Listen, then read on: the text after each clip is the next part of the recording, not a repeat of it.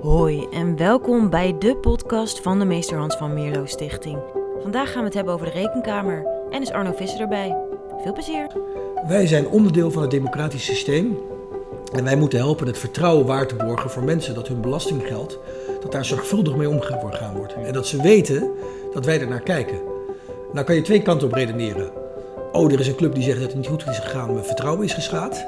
Of je zou kunnen zeggen, en volgens mij hoort het zo, goh, als er een keer iets fout gaat, dan is het tenminste een club die dat boven water brengt, daar wat van vindt, de oorzaken duidt en verbetering uh, mogelijk maakt. Ja. En volgens mij moeten we zoeken naar de laatste vorm van vertrouwen.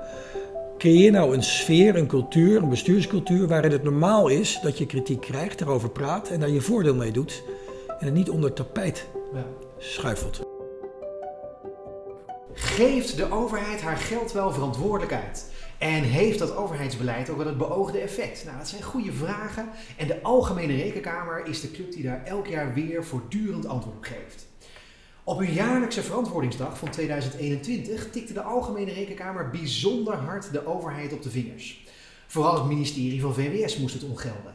Het ministerie bleek weinig grip te hebben op de vele extra miljarden die het heeft uitgegeven in de coronacrisis. Ging hierbij niet alleen maar om die beruchte mondkapjesdeal met Siebert van Linden.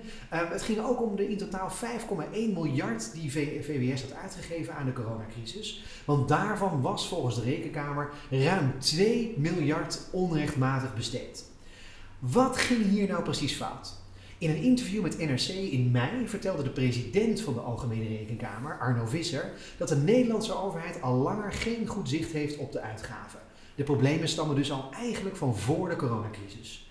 Tijd om die zaak eens nader onder, de loep te nemen.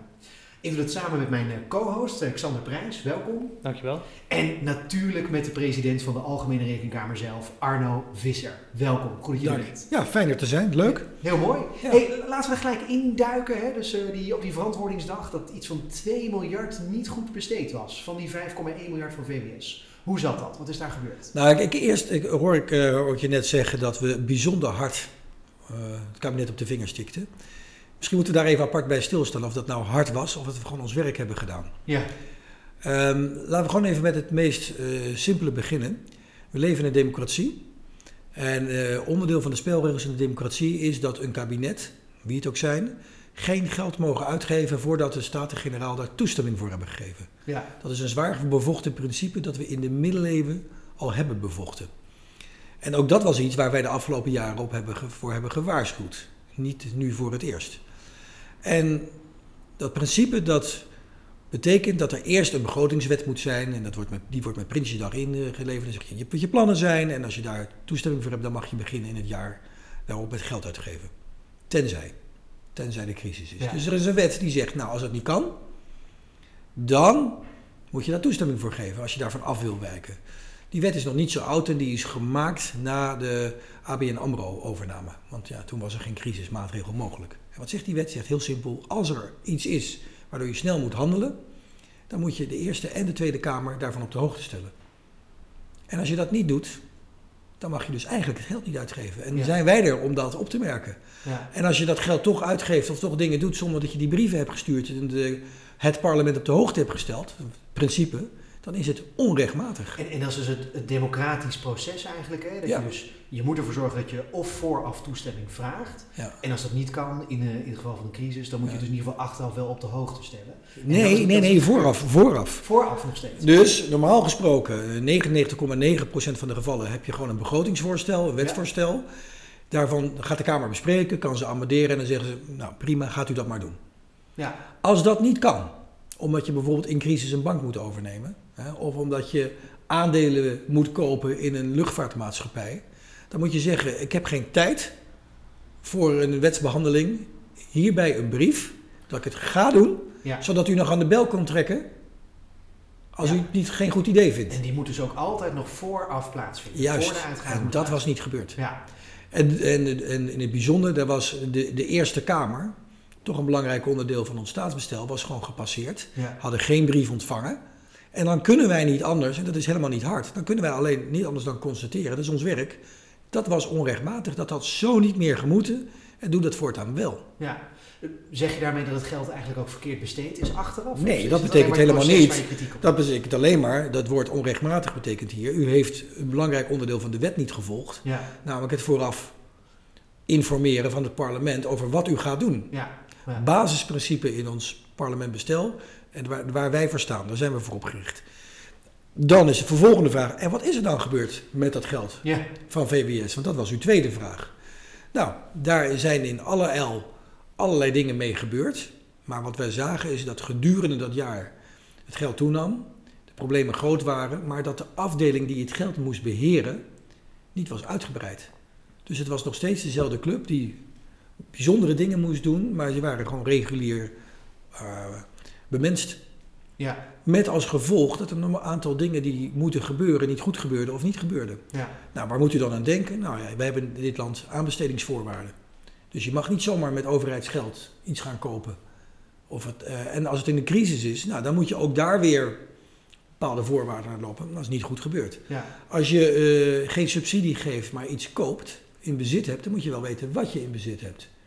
Nou, men is soms gaan subsidiëren en soms gaan kopen, in eigendom hebben. Ja, dan moet je wel weten wat je hebt, waar het ligt en hoe je het beheert. Als dat niet zo is, dan heb je je werk niet goed gedaan. Maar maak eens wat concreter, want we, we, zien allemaal, we hebben op Netflix die, die 10 miljoen van Siewert van Linden, dat zien we allemaal voor ons. Die was, niet, die was, die was buiten ons bereik, want een heel belangrijk deel ehm, van het publieke geld is door een organisatie op afstand besteed. Daar is over besloten. Hoe, hoe, zit dat precies? Ja, hoe zit dat precies? Dat weten wij ook niet, want dat is op afstand. Dat is uh, Mediek, er zijn afspraken gemaakt met Mediek. Ja. Die hebben heel veel geld gekregen. Dat is het landelijk consortium uiteindelijk, hè? bestuurd met, met, met, met, die, met die club. En daar zijn heel veel dingen gebeurd. Ja. De rekenkamer controleert het Rijk in de jaarlijkse zaak. En wat VWS heeft gedaan, direct zelf. Ja. Dus wat wij zagen, was wat gebeurde binnen het ministerie van VWS. Ja. Een groot deel van wat dat landelijk consortium ging doen, dat zat buiten ons bereik, maar daarvan konden we wel vaststellen, hé, hey, dat zat wel in de, dat, die 5 miljard ja. waarvan we het net over hadden. Ja, ja, dus als ik het goed begrijp, ik, probeer het echt voor me te zien, hè, van waar die, hoe die geldstroom dan gelopen is. Als ik het goed begrijp, hebben jullie dus gezegd, nou ja, er is een geldstroom van VWS, is terechtgekomen bij onder andere Mediek en we weten niet wat daar verder gebeurd is. Nee, want daar heb je accountants voor die dat moeten controleren. Dus allereerst, er is een groot bedrag gebruikt, aangewend voordat de Tweede en Eerste Kamer daarvan op de hoogte waren gesteld. Dat is onrechtmatig. Oké. En dan is de volgende stap, ga je het geld zelf beheren en uitgeven of heb je daar een afspraak over met een andere? Ja. Nou, er was een afspraak met een ander, dat is het Landelijk Consortium. Dat valt niet binnen het bereik van de rekenkamer, is de juiste controle. Wat wel binnen het bereik van de rekenkamer valt, is de controle op de departementen. Ja. En ook daar zagen we dat in die. En daar moeten we wel even toevoegen, want ik zeg helemaal niet dat het allemaal zo makkelijk was. Hè, want daar je ziet ook van, was het nou hard of niet ons oordeel? Wij begrijpen ook wel dat in de context van crisis, dit is nog nooit vertoond, wat moeten we doen, onzekerheid, fouten worden gemaakt. Die begrijpen we heel goed. Alleen het is ons werk om waar het fout is gegaan, dat te benoemen, dat te beschrijven. Dat ook gewoon te het parlement daarvan op de hoogte te stellen. En dan kan het parlement zeggen, we vinden het niet zo erg, we vinden het heel erg. We moeten van leren of et cetera. Dus wij, moeten, wij doen dat vrij feitelijk. Uh, want dat is ontstaan. Ik breng dat boven water. Ja. ja, ik denk dat veel mensen ook wel begrip zouden hebben dat er een keer wat fout gaat in zo'n crisis. Um, maar ja, er moet inderdaad wel een democratische grens op liggen. Want anders, dan gaan, anders is het echt het einde zoek. Ja. Nou, nou was de reactie van Hugo de Jonge ook om, daar, uh, om dat inderdaad wel ja, te zeggen van nou ja, dat is dan op deze manier gebeurd, maar het was crisis. Ja. Um, en dit is eigenlijk meer incidenteel. Ja, kijk, het interessante was is dat tijdens die crisis de financiële club niet is versterkt en vergroot. Ja. Uh, en daar hebben we ook financiën op aangesproken, want financiën moet toezicht houden op de departementen en die wisten dat ook. Ja. En er zijn gesprekken op gevoerd. Dus gedurende het jaar, als je weet, de dingen gaan anders dan bedacht. We hebben veel meer geld, we hebben veel meer moeilijke dingen. Daar moet je er ook extra mensen op inzetten. Dat is niet gebeurd. Ja. Dus daar hebben we ook de vinger op de zere plek uh, gelegd. En daar zijn ook de fouten mede door ontstaan en bij die club ontstaan. Ja. En ook daar geldt, dat moeten wij naar boven brengen, dat moeten wij beschrijven. Daar moet je van leren. Daar hebben we bezwaar gemaakt. Nou, dat is een vrij technische term. De rekenkamer maakt niet zo snel bezwaar. Ja. Dat het klinkt misschien in het dagelijks spraakgebruik als, oh ja, je hebt bezwaar tegen, maar dat is echt voor ons een stevige stap. Wij hebben in maart bezwaar gemaakt tegen de organisatie, tegen de wijze waarop het georganiseerd was en alle gevolgen die dat had. En dan moet de minister met een verbeterplan komen. En onderdeel van het verbeterplan, wat hij dus ook mee heeft gestuurd op die verantwoordingsdag, is dat die afdeling waar we het net over hebben, uh, zeer wordt versterkt. Daar worden veel meer mensen aan toegevoegd. Ja. Met andere woorden, daarmee geeft hij toe, het was onderbemenst, het ging niet goed. Ja. Ja, het kan niet van tweeën één zijn. Of het was niet goed, of het was wel goed. Maar je kunt niet in het ene gesprek zeggen, we hebben het toch goed gedaan, we hadden een crisis. In een andere document zegt hij, die rekenkamer heeft wel gelijk. ik moet die club versterken. Je beantwoordt daaraan mijn volgende vraag, namelijk... Uh, de, overheid wekt een beetje de suggestie dat er incidenteel dingen mis zijn gegaan in het proces, in de manier van uitgeven. Maar eigenlijk je nu dus aan, nou dat is structureel. Structureel zit er onder andere bij financiën te weinig mankracht, er zit te weinig bewustzijn misschien ook van de juridische regels die er zijn rondom het uitgeven van geld. Ja, dat is voor een heleboel uh, departementen niet zo, maar voor het departement van VWS zagen wij dat, dat al de afgelopen, nou, ik durf, zou bijna zeggen twee decennia, maar al heel lang, dat het subsidiebeheer en de wijze waarop met geld wordt omgegaan en besteed, dat, wij daar, dat daar mankementen in zitten. Ja. Aanbestedingen zijn problemen, geld overmaken. Dus dat was wat dat betreft al langer tijd een zorgenkindje bij ons en bij anderen. En juist dat departement wordt nu met, en daar konden ze natuurlijk zelf niks aan doen, met die crisis gesteld voor een grotere opgave. Ja. Ja, als je dat weet en als je daarop toeziet, en dat is het werk van financiën, dan moet je op een gegeven moment zeggen, zeg minister, zou het niet goed zijn om die club te versterken. Ja. En ja, als je erbij staat en naar kijkt en dat die druk niet uitoefent, ja, dan hebben we in onze ogen je werk niet goed gedaan. Ja. Dus daar hebben we dan weer financiën op aangesproken. Ja. Ja. Die dat natuurlijk ook niet leuk vinden, maar ja, dat is ons werk. Ja. Was dat nou hard? Ja, ik vind dat niet hard. We hebben niet zulke grote woorden gebruikt, we hebben geen volume gebruikt, we hebben niet met uitroeptekens en kapitalen. Het komt hard aan. Ja. En weet u, en dat begrijp ik ook wel, want al deze mensen hebben naar de beste eer en geweten gewerkt. Ze hebben zeer een slag in de ronde gewerkt in een crisis. Ehm, dus dan, dan, komen, dan ben je extra gevoelig voor kritiek en dat begrijp ik echt wel. Maar het mag niet zo zijn in een democratie dat een democratisch orgaan, zoals wij dat zijn, zijn werk niet zou doen en niet zegt hoe het ervoor staat. Kritiek hoort erbij. Kritiek hoort erbij. Ja. Ehm, ja. En ik vind, ik vind nog wel dat wij dat best wel zorgvuldig gedaan hebben. Ja, Xander, hoe zie jij dat? Ja, ja, daar ben ik het gewoon mee eens eigenlijk. Ik zit wel te denken nu, um, wat dat dan betekent ook voor bijvoorbeeld het publiek vertrouwen in de, in de overheid en in het handelen van de overheid. Ja. Dus, ja, nou, dat, dat, dat, was, dat is een hele belangrijke vraag, want dat is iets waar wij ook voor staan. Kijk, um, het is grappig dat, dat, dat, dat je het woord vertrouwen noemt, want in iedere, in iedere strategie, strategie van ons, waarin we naar de komende vijf jaar kijken, komt dat woord terug. Wij zijn onderdeel van het democratisch systeem en wij moeten helpen het vertrouwen waar te borgen voor mensen dat hun belastinggeld, dat daar zorgvuldig mee omgegaan wordt. Hmm. En dat ze weten dat wij er naar kijken. Nou kan je twee kanten op redeneren. Oh, er is een club die zegt dat het niet goed is gegaan, mijn vertrouwen is geschaad. Of je zou kunnen zeggen, en volgens mij hoort het zo, goh, als er een keer iets fout gaat, dan is het tenminste een club die dat boven water brengt, daar wat van vindt, de oorzaken duidt en verbetering uh, mogelijk maakt. Ja. En volgens mij moeten we zoeken naar de laatste vorm van vertrouwen. Creëer nou een sfeer, een cultuur, een bestuurscultuur waarin het normaal is dat je kritiek krijgt, erover praat en daar je voordeel mee doet. En het niet onder tapijt ja. Schuifelt. Eh, vandaar ook je eerdere opmerking over dat je zelf de kritiek niet hard vond, maar het kwam hard aan. Ja je zegt als je een speler bent in het spel, in de arena, dan is het normaal. Dat is jouw functie, je taak als rekenkamer om die kritiek te leveren. En dan kan het dus niet hard zijn, want het hoort er gewoon bij. Nee, en daarom heb ik zo uitgebreid de moeite genomen bij de aanbieding van ons rapport om onze rol in het totaal te duiden. Ja. ja. Ehm, en wat de rol van de Tweede Kamer is. Onze rol is om de feiten te brengen. Ja. De rol van het parlement is om die feiten te waarderen en van een politiek oordeel te voorzien. Ja. Was het nou erg, heel erg, was het nou dom of niet dom, of kon het niet anders?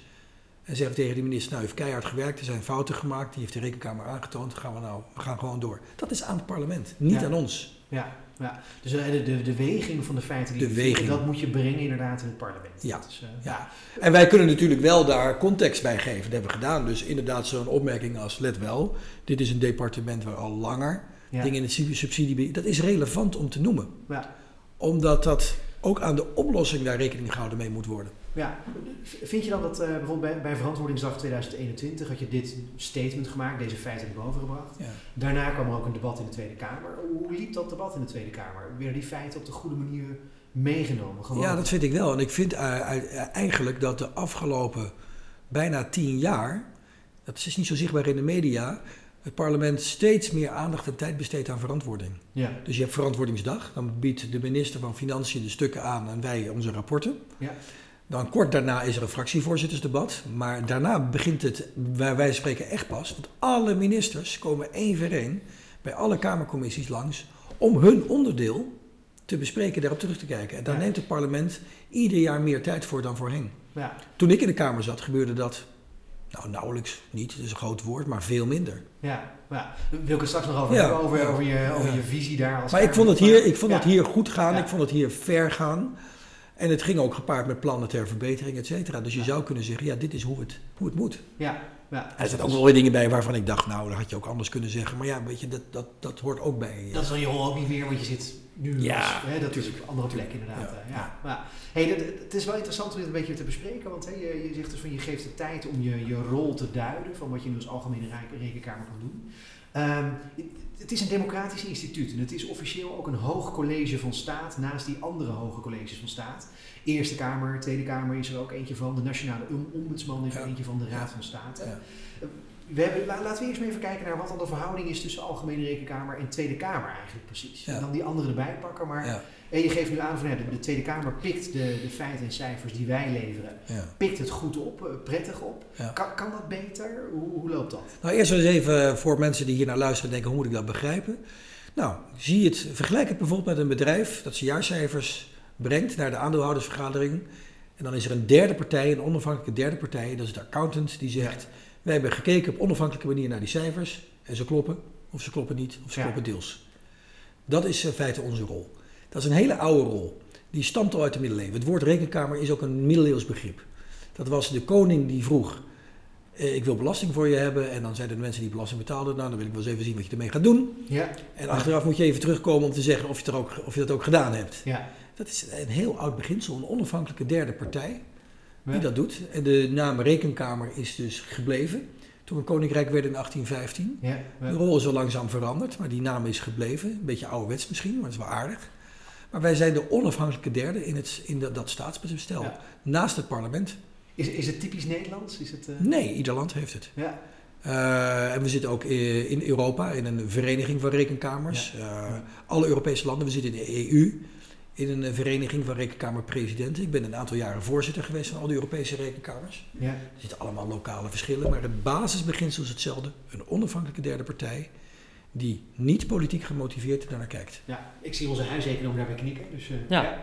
Ja, en ik geloof ook dat eh, jullie helpen ook re rekenkamer bijvoorbeeld in Afrika of er, elders ook met het opzetten van hoe je zo'n controle nou uitvoert, geloof ik. Want Ja, dat heb ik ooit ja. een keer ergens gelezen. Ja, Dus dat is ook wel mooi dat het dan het, het systeem, het, ons unieke systeem dan eigenlijk naar het, nou ja, dus niet uniek. nee, we proberen het niet zo uniek te maken. Kijk, Het beginsel is, is universeel. Onafhankelijke derde partij in de democratie die naast de volksvertegenwoordiging eh, met een objectieve blik ernaar kijkt, waarborgen geeft. Alleen in heel veel landen met een ontluikende democratie is dat nog niet zo diep geworteld. En dan helpen wij op twee manieren. We helpen met vakkennis. Uh, maar we helpen ook, en dat is misschien wel onze belangrijkste rol, in het omgaan met parlement en media. In een open debatcultuur en een democratie. Omdat in heel veel landen die uit een, een meer dictatoriaal regime komen, of een nieuwe democratie hebben, niet zo goed weten hoe je daarmee omgaat. ja. Hoe je dat doet, hoe je dat organiseert, hoe je op een ontspannen manier naar een parlement gaat. Dat, dat is niet vanzelfsprekend in Oost-Europa, waar nog 30 jaar geleden een communistisch regime was. Dat is niet vanzelfsprekend in Afrikaanse of Aziatische landen, waar een dictator was. Die zei, kom allemaal maar hier en ik bepaal het wel. En als ik het niet leuk vind, dan doe ik het in een bureaula. ja. Dus al die dingen die wij in tientallen, misschien wel honderden jaren hebben ontwikkeld, ja, die ervaring proberen wij over te brengen op, eh, op Afrikaanse landen onder andere. Ja, maar nou is dat natuurlijk het gevaar wel, omdat je een rekenkamer bent en als een accountant die zelf opstelt, dat het misschien heel moeilijk is om publieke waarden, eh, grote waarden, die ja, vrijheid, gelijkheid, broederschap, Ja. eh, hoe kun je dat doorrekenen? Die kun je niet doorrekenen, maar wat wij doen is, wij kijken allereerst naar wat heeft de politiek gewild. Ja, Wat hebben ze afgesproken? Dat is de norm. Wij zijn objectief neutraal. Dus als de politiek zegt, dit is ons doel op het gebied van defensie, milieu, duurzaamheid, dan zeggen we, oké, maar dat is dus blijkbaar gewenst. ja, Dan kijken we ook naar de redenering eronder, waar- waarom en wat willen ze. En vervolgens kijken we, oké, is het gehaald? Is het doelmatig gehaald? Had het efficiënter gekund? Is het, eh, eh, had het beter gekund? Ja, en doelmatig moet je dus inderdaad lezen als dit is het doel wat jij jezelf stelt. Ja. eh, en dat heb je niet op de meest efficiënte manier. Bijvoorbeeld. Ja. Dat is, eh, Nou is het lastigste probleem nog wat wij tegenkomen is dat doelen niet duidelijk zijn opgeschreven. Ja, Dus dat eh, er een, waarschijnlijk een compromis is. En dan vinden we elkaar in mooie woorden en in waarden. ja, En die worden dan omschreven en dan wordt er geld aan verbonden. En dan gaan wij het onderzoeken. En dan denk je, ja, maar wat was nou je doelstelling? ja, ja. Dus het gebrek aan concreetheid, dat is al iets waar de Rekenkamer al 30 jaar tegenaan loopt. ja. De- al 30 jaar lang kunnen kabinetten niet goed opschrijven wat ze nou precies willen. Kamer en kabinet. Kamer en kabinet. Dat Ja. is, eh, ja. Ja. En dat mondt dan uit in onze aanbevelingen die dan steeds terugkomen. Maak nou eens concreet wat je wil. Ja. Maak maar tussendoelen. Dus nou laat ik een, een, een voorbeeld nemen dicht bij huis. Ehm, verduurzaming van de- onze energiewinning. Ja. dan zijn er in 2010 doelen gesteld voor 2030. Ja, dat is leuk. Maar waar wil je zijn in 2015? Waar wil je zijn in 2020? Hè, dus je moet ook tussentijds aangeven in welk tempo je er, er komt. Ja. En wat is het precies hoe je er wil komen? Eh, luchtkwaliteit. Nou ja, dat was wel een hele bijzondere. Als je er even tijd Ja, voor hebt, kan ik mee. Want daar komt ja. de essentie van de democratie terug. We willen allemaal dat de luchtkwaliteit verbetert. We vinden ook dat gemeenten, provincies en het Rijk daaraan werken. Nou, wij hebben gekeken, ben je er nou dichterbij gekomen met honderden miljoenen en, eh, en, en, en zes, zeven jaar tijd. Ja. Wat was de Ja. uitkomst van ons onderzoek? Dat niet met elkaar afgesproken is hoe je het doel realiseert, met welke meetbare doelstellingen en hoe je het geld bijhoudt. Ja. Dus wij konden achteraf niet voorstellen dat met hetzelfde geld meer had kunnen bereikt, of het hetzelfde had kunnen bereiken met minder geld. Ja. En dat is de essentie van democratie. Want uiteindelijk gaan u en ik naar een stemhokje en al die anderen ook met die vraag. Wil ik dat er meer ingezet wordt voor dat doel?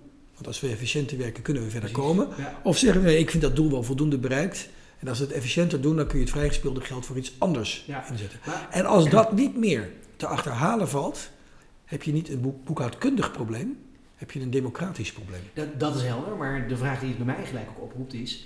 ehm, is dit bij uitstek niet iets wat een Tweede Kamerlid meer zou moeten doen eh, dan de Algemene Rekenkamer? Dit klinkt namelijk ook heel erg als de politiek en het kabinet afrekenen op het feit dat ze niet hebben uitgevoerd eh, wat ze hebben beloofd uit te voeren. En dat ze er niet eens over hebben nagedacht Nee, hoe je dat kan definiëren. Wat de, het parlement beter moet doen, is als je een doelstelling hebt, Ja. zorgen dat die regering meetbare, controleerbare doelstellingen verwoordt. Ja, Dus als je een begroting krijgt of een beleidstuk en er staan mooie, fraaie bewoordingen, mooie waarden waar je je allemaal in kan vinden, dat je ook de vraag stelt, maar wacht eens even, hoe weet ik over drie jaar, vijf jaar of over tien jaar ja, of dat bereikt is? ja. En, En dat ze- kan op alle terreinen. En het een, en dan krijgen we altijd de flauwe voorbeelden van, ja, maar de vrede in het Midden-Oosten kun je toch niet berekenen? Nee. Ja. er zijn ook wel andere dingen die je wel kunt meten. Eh, Maar met die flauwe, met die flauwe voorbeelden kom je er niet uit. Hè? Ja, ja. Dus het gaat ook, en ik begon over waarde, ook op het gebied van duurzaamheid, sociale gelijkheid. Ook in je sociale doelstellingen kun je verwoorden wat je wil bereiken en wanneer. En dan zijn wij er om objectief te kijken of je dat gehaald hebt en op welke manier. En daar kun je dan weer lering uit trekken. Ja, de- de- maar dan blijft toch de vraag. ehm, wat je dus nu zegt is, eh, wat we eigenlijk doen is, we, we vragen gewoon aan de regering. Jullie hebben een doel gesteld, bijvoorbeeld luchtkwaliteit verbeteren. Ehm, reken dan eens uit of dat ook gelukt is en hebben jullie überhaupt dat wel gespecificeerd. Ja. Ehm, maar het aantal doelen wat de overheid eh, kan proberen te halen is vrijwel oneindig. Luchtkwaliteit, werkgelegenheid, eh, wat het ook maar kan zijn, bodemkwaliteit, dat soort dingen. En de, de selectie van de dingen die jullie als eerste onderzoeken, Ja. is dat, heeft dat niet een risico met, van politieke kleuring ook? Waarom kies je bijvoorbeeld eerder om luchtkwaliteit te onderzoeken dan bijvoorbeeld bodemkwaliteit? Nee, wij maken, dat is een goede vraag, maar wij maken, eh, wij maken risicoanalyses. Ja, Dus wij zijn politiek onafhankelijk om de keuzes te maken als we dit soort onderzoek doen. En doen we op basis van risicoanalyses. En daar kijken we ook naar maatschappelijke doelen en dingen die spelen in de samenleving. Ja. Dus we kijken ook naar maatschappelijke relevantie. En we kijken naar het feit of anderen het al doen. En er zijn al eenmaal zaken die alleen wij kunnen onderzoeken en anderen niet. ja, Nou, als er een onderwerp zou zijn, zoals luchtkwaliteit, waar al vijf universiteiten mee bezig zijn, dan denk ik, nou, als dat goed onderzoek is, hoeven wij het niet te doen. hoeven wij niet. Maar als niemand ermee bezig is, dan denk ik, wacht eens even, dat is merkwaardig. Ja, Neem een ander voorbeeld, elektrische auto's. ja. Kijk, Ja, interessant hè? Ja. Iedereen stimuleerde elektrische auto's, dat was hartstikke goed. Daar vond links en rechts in de Kamer in en er werden fiscale instrumenten. Toen vroegen wij ons af, staat nou in de verantwoording van de minister van Financiën wat dat kost? Antwoord nee. Maar dat is merkwaardig. Je hebt een doel, je ziet een aantal auto's, maar wat kost dat nou? Nou, toen zijn we daar onderzoek naar gaan doen. Uh, uitkomst, dat was toen, en dat onderzoek was een paar jaar geleden, kostte toen al 5, 6 miljard. Ja. Dan ga je terugrekenen, je moet een CO2-ton mee besparen. Weet u wat de kosten per bespaarde CO2-ton waren toen? Vertel. Nou, dat was zo'n 1250 euro per bespaarde CO2-ton. Weet je wat de marktprijs was? Nou? Tientje. Dus dat levert niks op. Dat was uh, onzinnig. Toen dachten wij, dat is zo evident. Ja. Dat je moet een rekenfout gemaakt zijn. Nee, want dan moeten wij met under, nee, nee, gaan we met understatement ja. brengen, want anders heb je weer zulke krantenkoppen, daar schiet niemand met mee op. Dus wij hebben gezegd, dat is relatief duur. Ja. En uh, er gebeurde niks in het parlement. Toen zijn we het daarna weer gaan onderzoeken, want we wilden het op de agenda houden. Toen hebben we gevraagd, hoeveel auto's wil je nou hebben? Want dat kun je ook narekenen. Ja. Nou, er bleek een beleidstuk te staan. Uh, we willen 200.000 auto's in dat jaar. Maar toen dachten we, ja, maar een auto die je koopt, die gaat dan een paar jaar naar het buitenland, die gaan uit de lease. Hoeveel auto's moet je nou gestimuleerd hebben om er 200.000 op de weg te hebben? Meer dan 300.000 meneer. Ja. Dus je moet meer dan 300.000 auto's subsidiëren om er 200.000 op de weg te hebben. Meer dan 100.000 rijden dan in een ander land rond. En elk van die 100.000 euro auto's is gestimuleerd voor de bedragen die ik net noemde. Ja. Ja. En dat doen we tot op de dag van vandaag. Dat heeft ons miljarden gekost. Dat is niet doelmatig. Ja. Ja, dan, en daar zie je dus iets heel hardnekkigs. Het instrumentarium wat je kiest is niet transparant, fiscaal instrument. Er worden geen afspraken gemaakt om tussentijds bij te houden. En, er zijn, en dat was ook het laatste wat we erachter kwamen, er zijn geen alternatieven overwogen. Want je had ook de vraag kunnen stellen, goh, wat zou dat kosten? Parlement, hoeveel auto's wilt u? En als je dan erachter was gekomen dat het 6 miljard kost, dan had je de vraag kunnen stellen, maar ja, wat kunnen we nog meer voor 6 miljard? Ja, ja. En dus dat is het wat we heel vaak tegenkomen, dat die alternatieven niet op een rij worden gezet. En dat er te snel wordt gedacht in termen van, nou dat gaan we doen, dat zal wel de goede weg zijn. En ja. Ja, ja. Xander? Ja, ik zat net even te denken aan opportunity cost, want inderdaad, dan ga je Opportunity cost? Ja, dat, is, een economisch begrip. Dat, dat klopt, dat is eigenlijk het, wat zou het zeg maar de next best zijn waar je geld aan kunt uitbesteden? Wat zijn, welke doelen kun je daar dan mee bereiken? Ja. Um, en die zijn in dit geval nou, vrij hoog. Laten we het even een beetje understatement doen. Ja. Um, ik zat nog een voorbeeld te denken van de lage, in, van lage inkomensvoordeel, maar misschien hebben jullie daar geen onderzoek naar gedaan. Want dat is, uh, voor mij heeft het CBP dat wel doorgerekend. Uh, dat is 500 miljoen euro per jaar uh, voor 7000 arbeidsplaatsen op, op, um, ja, ja. of 7000 FTE ja. op minimumloonniveau. Uh, voor 500 miljoen. Ja, is dat dan ook doelmatig? Ja, ja. Die, hebben, die, hebben, die zit ook in een van onze onderzoeken van ja, drie jaar geleden. Dus dat zijn ook dingen die we doen. Dan kan je het terugrekenen. We hebben onderzoek gedaan naar expats. Dat is ook een leuke. Fiscale regeling voor expats. Maar is die op gebaseerd? Wat heeft dat gekost? Veel meer dan verwacht. En wat is er dan doelmatig en doeltreffend aan als mensen enorme fiscale voordelen hebben en had je die echt nodig om mensen naar Nederland te krijgen? Dus dat zijn ook dingen die wij. Ja, het ging dan om uh, werkgelegenheid natuurlijk. Je, maar ik dacht wel van. Sorry. Ja. ik dacht wel van ja, je hebt natuurlijk. Als je, je hebt je doel bereikt als je zegt we willen zoveel werkgelegenheid creëren. Dat is gelukt, maar de, tegen die prijs is dat het dan. En de, de wij houden dat tegen welke prijs. En de doelen, en dat was de antwoord op de vraag: mengen jullie je politiek? Nee, we mengen ons niet politiek. Nee, Het doel is politiek gesteld, daar staan we neutraal tegenover. Wat wij doen is: had je dat doel op een betere manier kunnen bereiken? Of had je het doel op een andere manier kunnen bereiken? Efficiënter, of had je ook met hetzelfde geld iets anders kunnen doen om dat doel, besparing CO2-ton uitstoot, te realiseren? Helder. Ja. Bij het voorbeeld van de auto zegt u net ook dat. Um, u bent er met een onderstatement ingegaan, of de rekenkamers met een onderstatement ingegaan van, het is relatief duur. Ja, omdat we eh, dachten, dat we, moeten wel goed communiceren, anders de rekenkamer is wel hard en vernietigend, et cetera. Ja. Maar ik kan me wel voorstellen dat ze bij de Kamer of bij, uh, bij de regering niet altijd op het oordeel van de rekenkamer zitten te wachten of op, op, op zo'n onderzoek zitten te wachten. Dus hoe zorgt u dat, u, hoe zorgt u dat u invloed heeft? Zeker, een goede vraag. Mijn voorganger zei altijd, ik ben wandelend slecht nieuws. Kijk, het is onze. Ja, kijk, weet je. Dat zegt mijn het nooit tegen mij. Ja, nou kijk, wij moeten wel ver zijn. Als iets goed gaat, moet je het zeggen. Ja. de, dus als wij als iets goed gaat, nou, dan moeten we zeggen wat goed gaat en dat het goed gaat. En dat gebeurt ook heel veel. Maar er, er spelen twee dingen. Eén, wij zijn opgericht om risico's in beeld te brengen. Dus wij kijken altijd naar de dingen waarvan we vermoeden dat kan beter. Mm Omgedraaid, dat gaat niet goed of niet goed genoeg. Dat, dat is wat het is. En de tweede leven nu in een mediamaatschappij waarin heel veel uitvergroot wordt. En het is helemaal waar dat, dat het politiek debat beïnvloedt.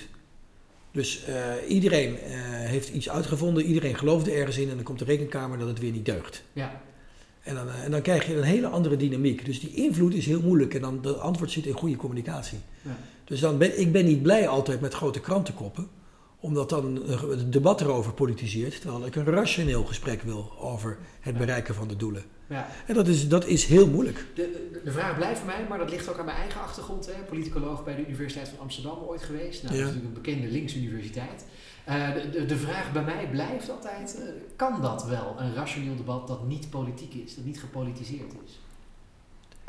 En, en om het voorbeeld te noemen... Hè, ja, ja, nee, ik snap de vraag heel goed. Um, ik moet er alleen even over nadenken, omdat uiteindelijk een politiek debat over ideologische keuzes en de afwegen van waarde gaat. Alleen het gaat om of de onderlegger rationeel is.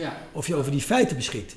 En dat je uiteindelijk op basis van die feiten zegt: het is mij om het even of ik neem het voor lief. Dat is de politieke afweging. En die, kan, die is dan zeg maar niet rationeel, want die is ook ideologisch ingegeven of die heeft een politieke voorkeur. Dus of het nou gaat om die luchtkwaliteit of om het voorbeeld van de werklozen en zo, dan zegt een partij: maar dat neem ik voor lief. Want dat is het me waard.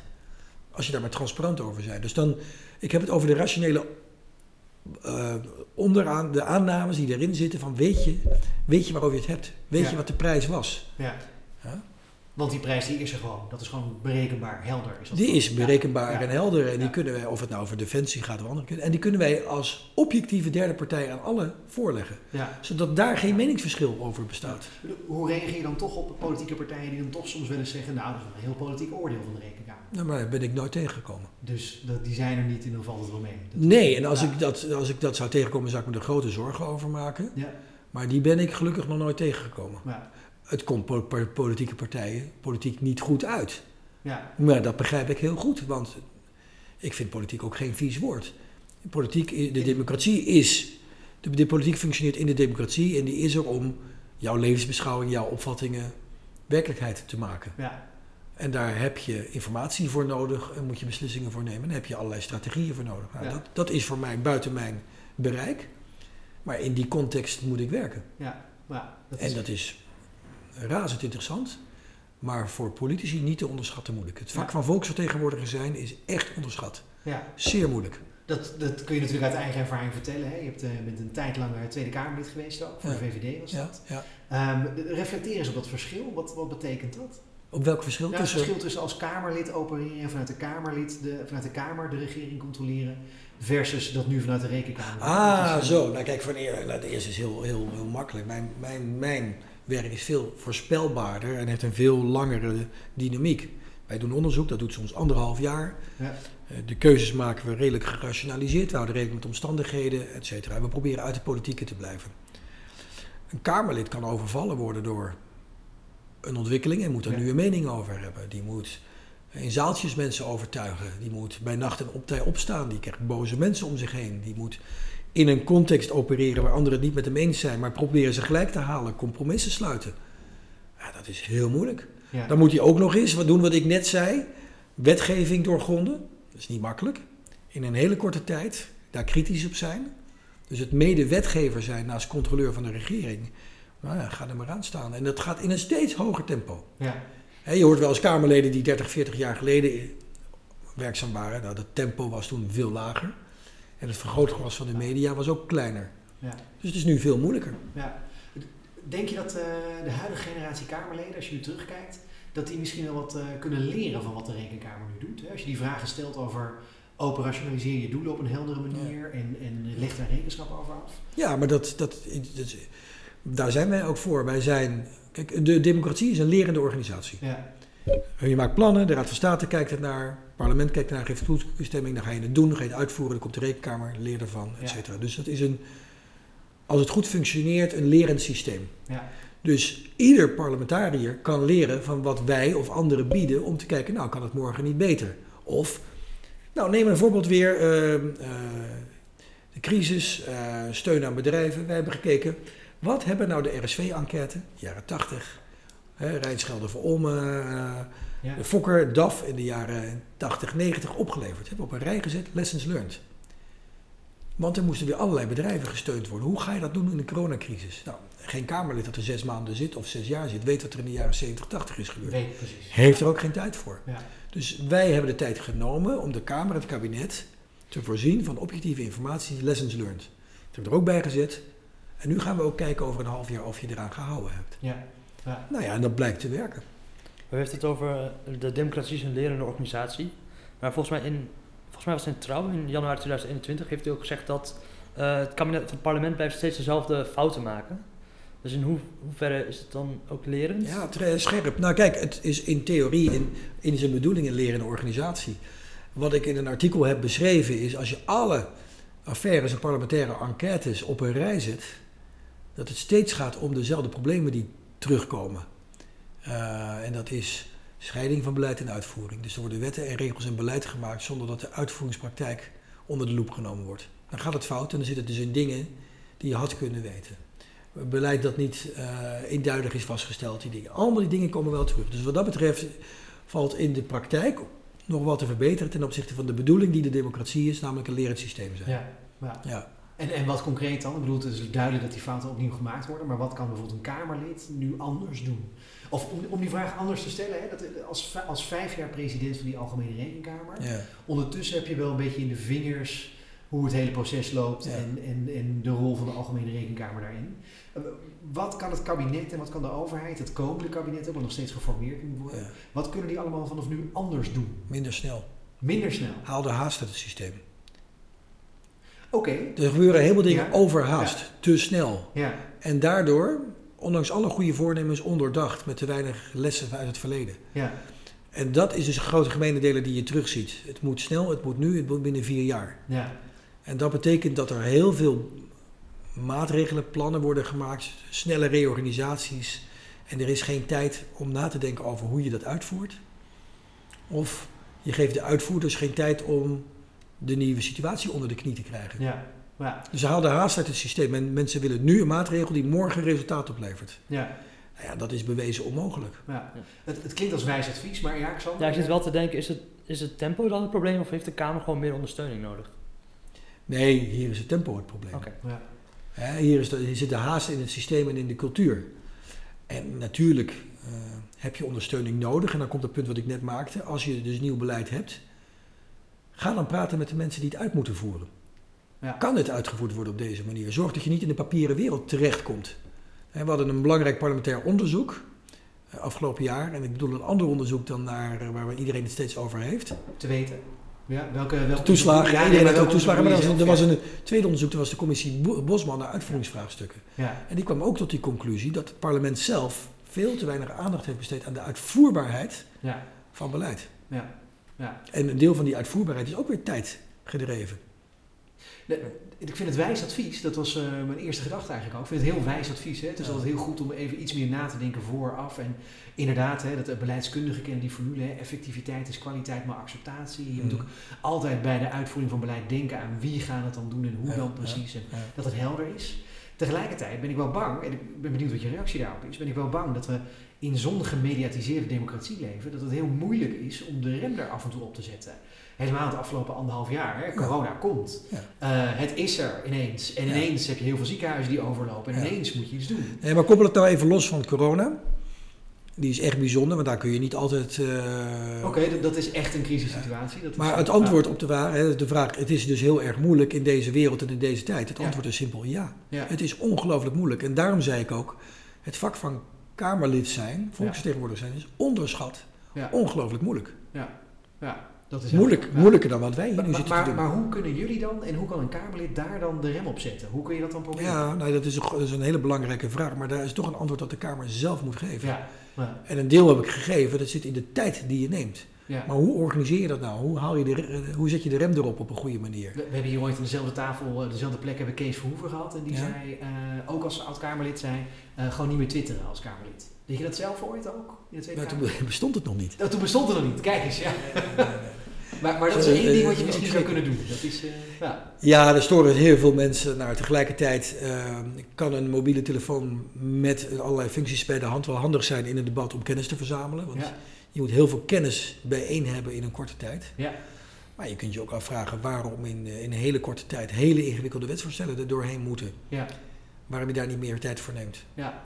En Daar gewoon waarom, er heel veel moet, waarom je niet gewoon eens eerst eens even leert van wat er allemaal aan kennis is, van wat er niet goed gaat. Waarom moet je weer nieuwe dingen verzinnen? Ja. Maar ja, iedereen is naar de stembus geweest, geweest en verwacht iets van die politieke partijen. dat is ook terecht. Ja, ja, ja, er moet iets gebeuren. Je moet ook weer thuiskomen met resultaat. Ja.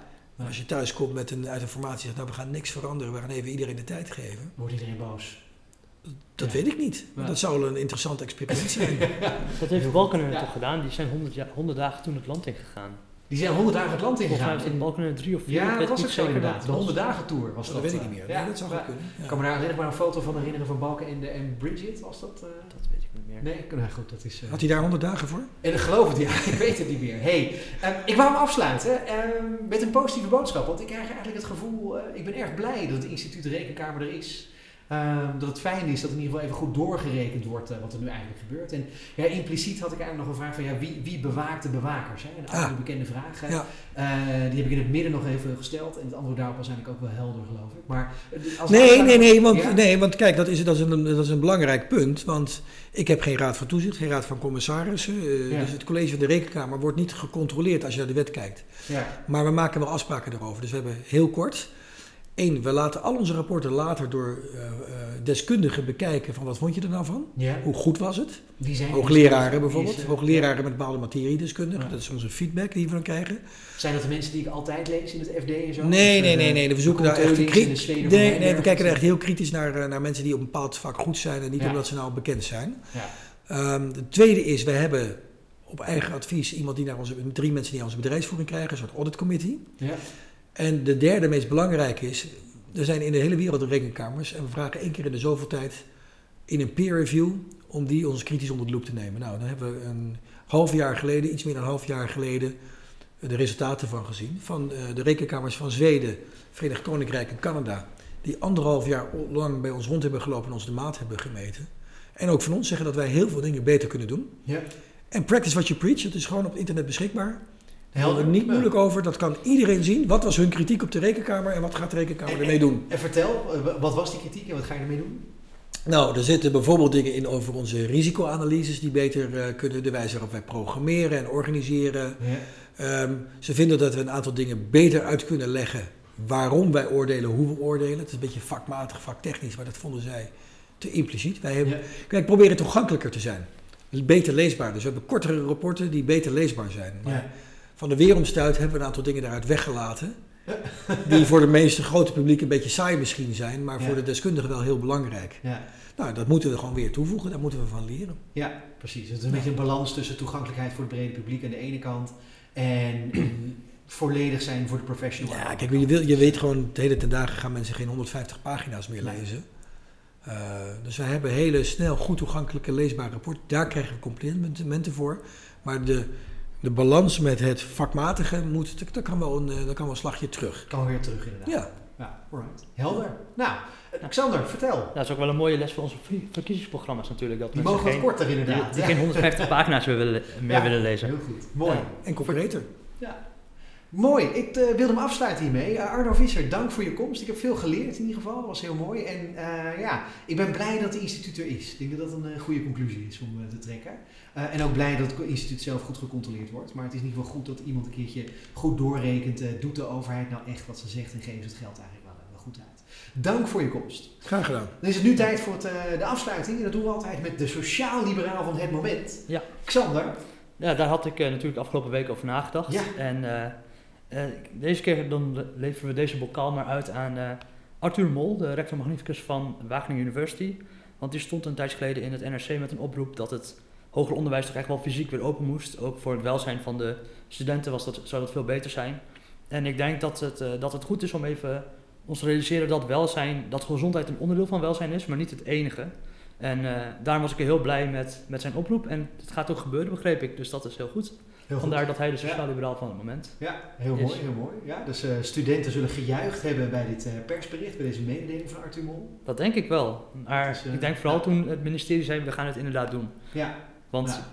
Een, een, bestuurder kan natuurlijk een oproep doen, maar als het ministerie niet luistert of zegt nee, dat gaan we absoluut niet doen, dan, ja. dan schiet je er niks mee op. Heel goed. Ja, heel goed. Wat, wat ik interessant vind trouwens, dat raakt misschien ook weer aan het werk van de Algemene Rekenkamer, is dat jij nu zegt, ja, welzijn is meer dan alleen maar gezondheid en meer dan alleen maar geoperationaliseerd in hoeveel mensen nou precies overlijden aan corona of iets anders. Hè. Welzijn is ook, voel je vrij, kun je doen wat je wil, kun je contact hebben met mensen, jezelf uitdrukken natuurlijk ook.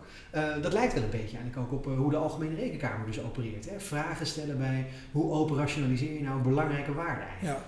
Ja, interessante tendens daarin is de brede, monitor brede welvaart, het brede welvaartsbegrip dus dat is eh, meer dan alleen maar kijken naar de cijfers over de financiën en de bedrijfsvoering, maar ook breder kijken. Dat is een hele interessante ontwikkeling waar de overheid achterloopt bij het bedrijfsleven.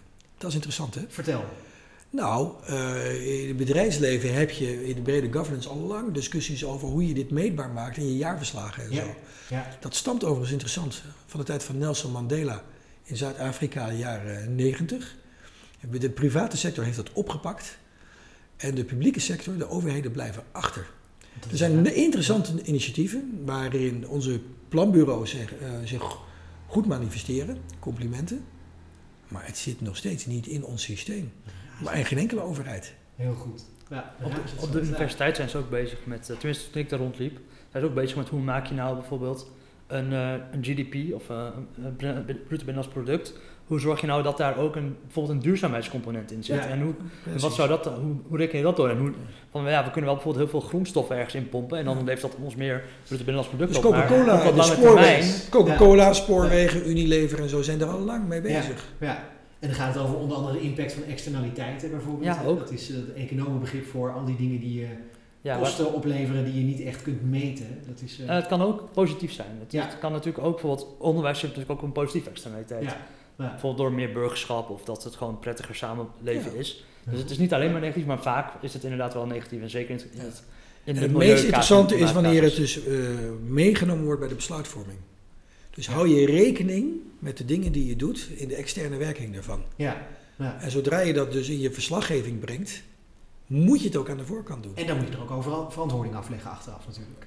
Ja, ja dat is, precies, eh, precies. Dus je moet het niet alleen aan de verantwoordingskant doen. Nee, je moet het juist in je besluitvormingskant doen. Dat is cruciaal. Heel goed. Dankjewel. En dankjewel ook Sander voor je bijdrage. De sociaal liberaal van het moment was... Arthur Mol. Van? Wageningen University. Heel goed. Dankjewel. Top.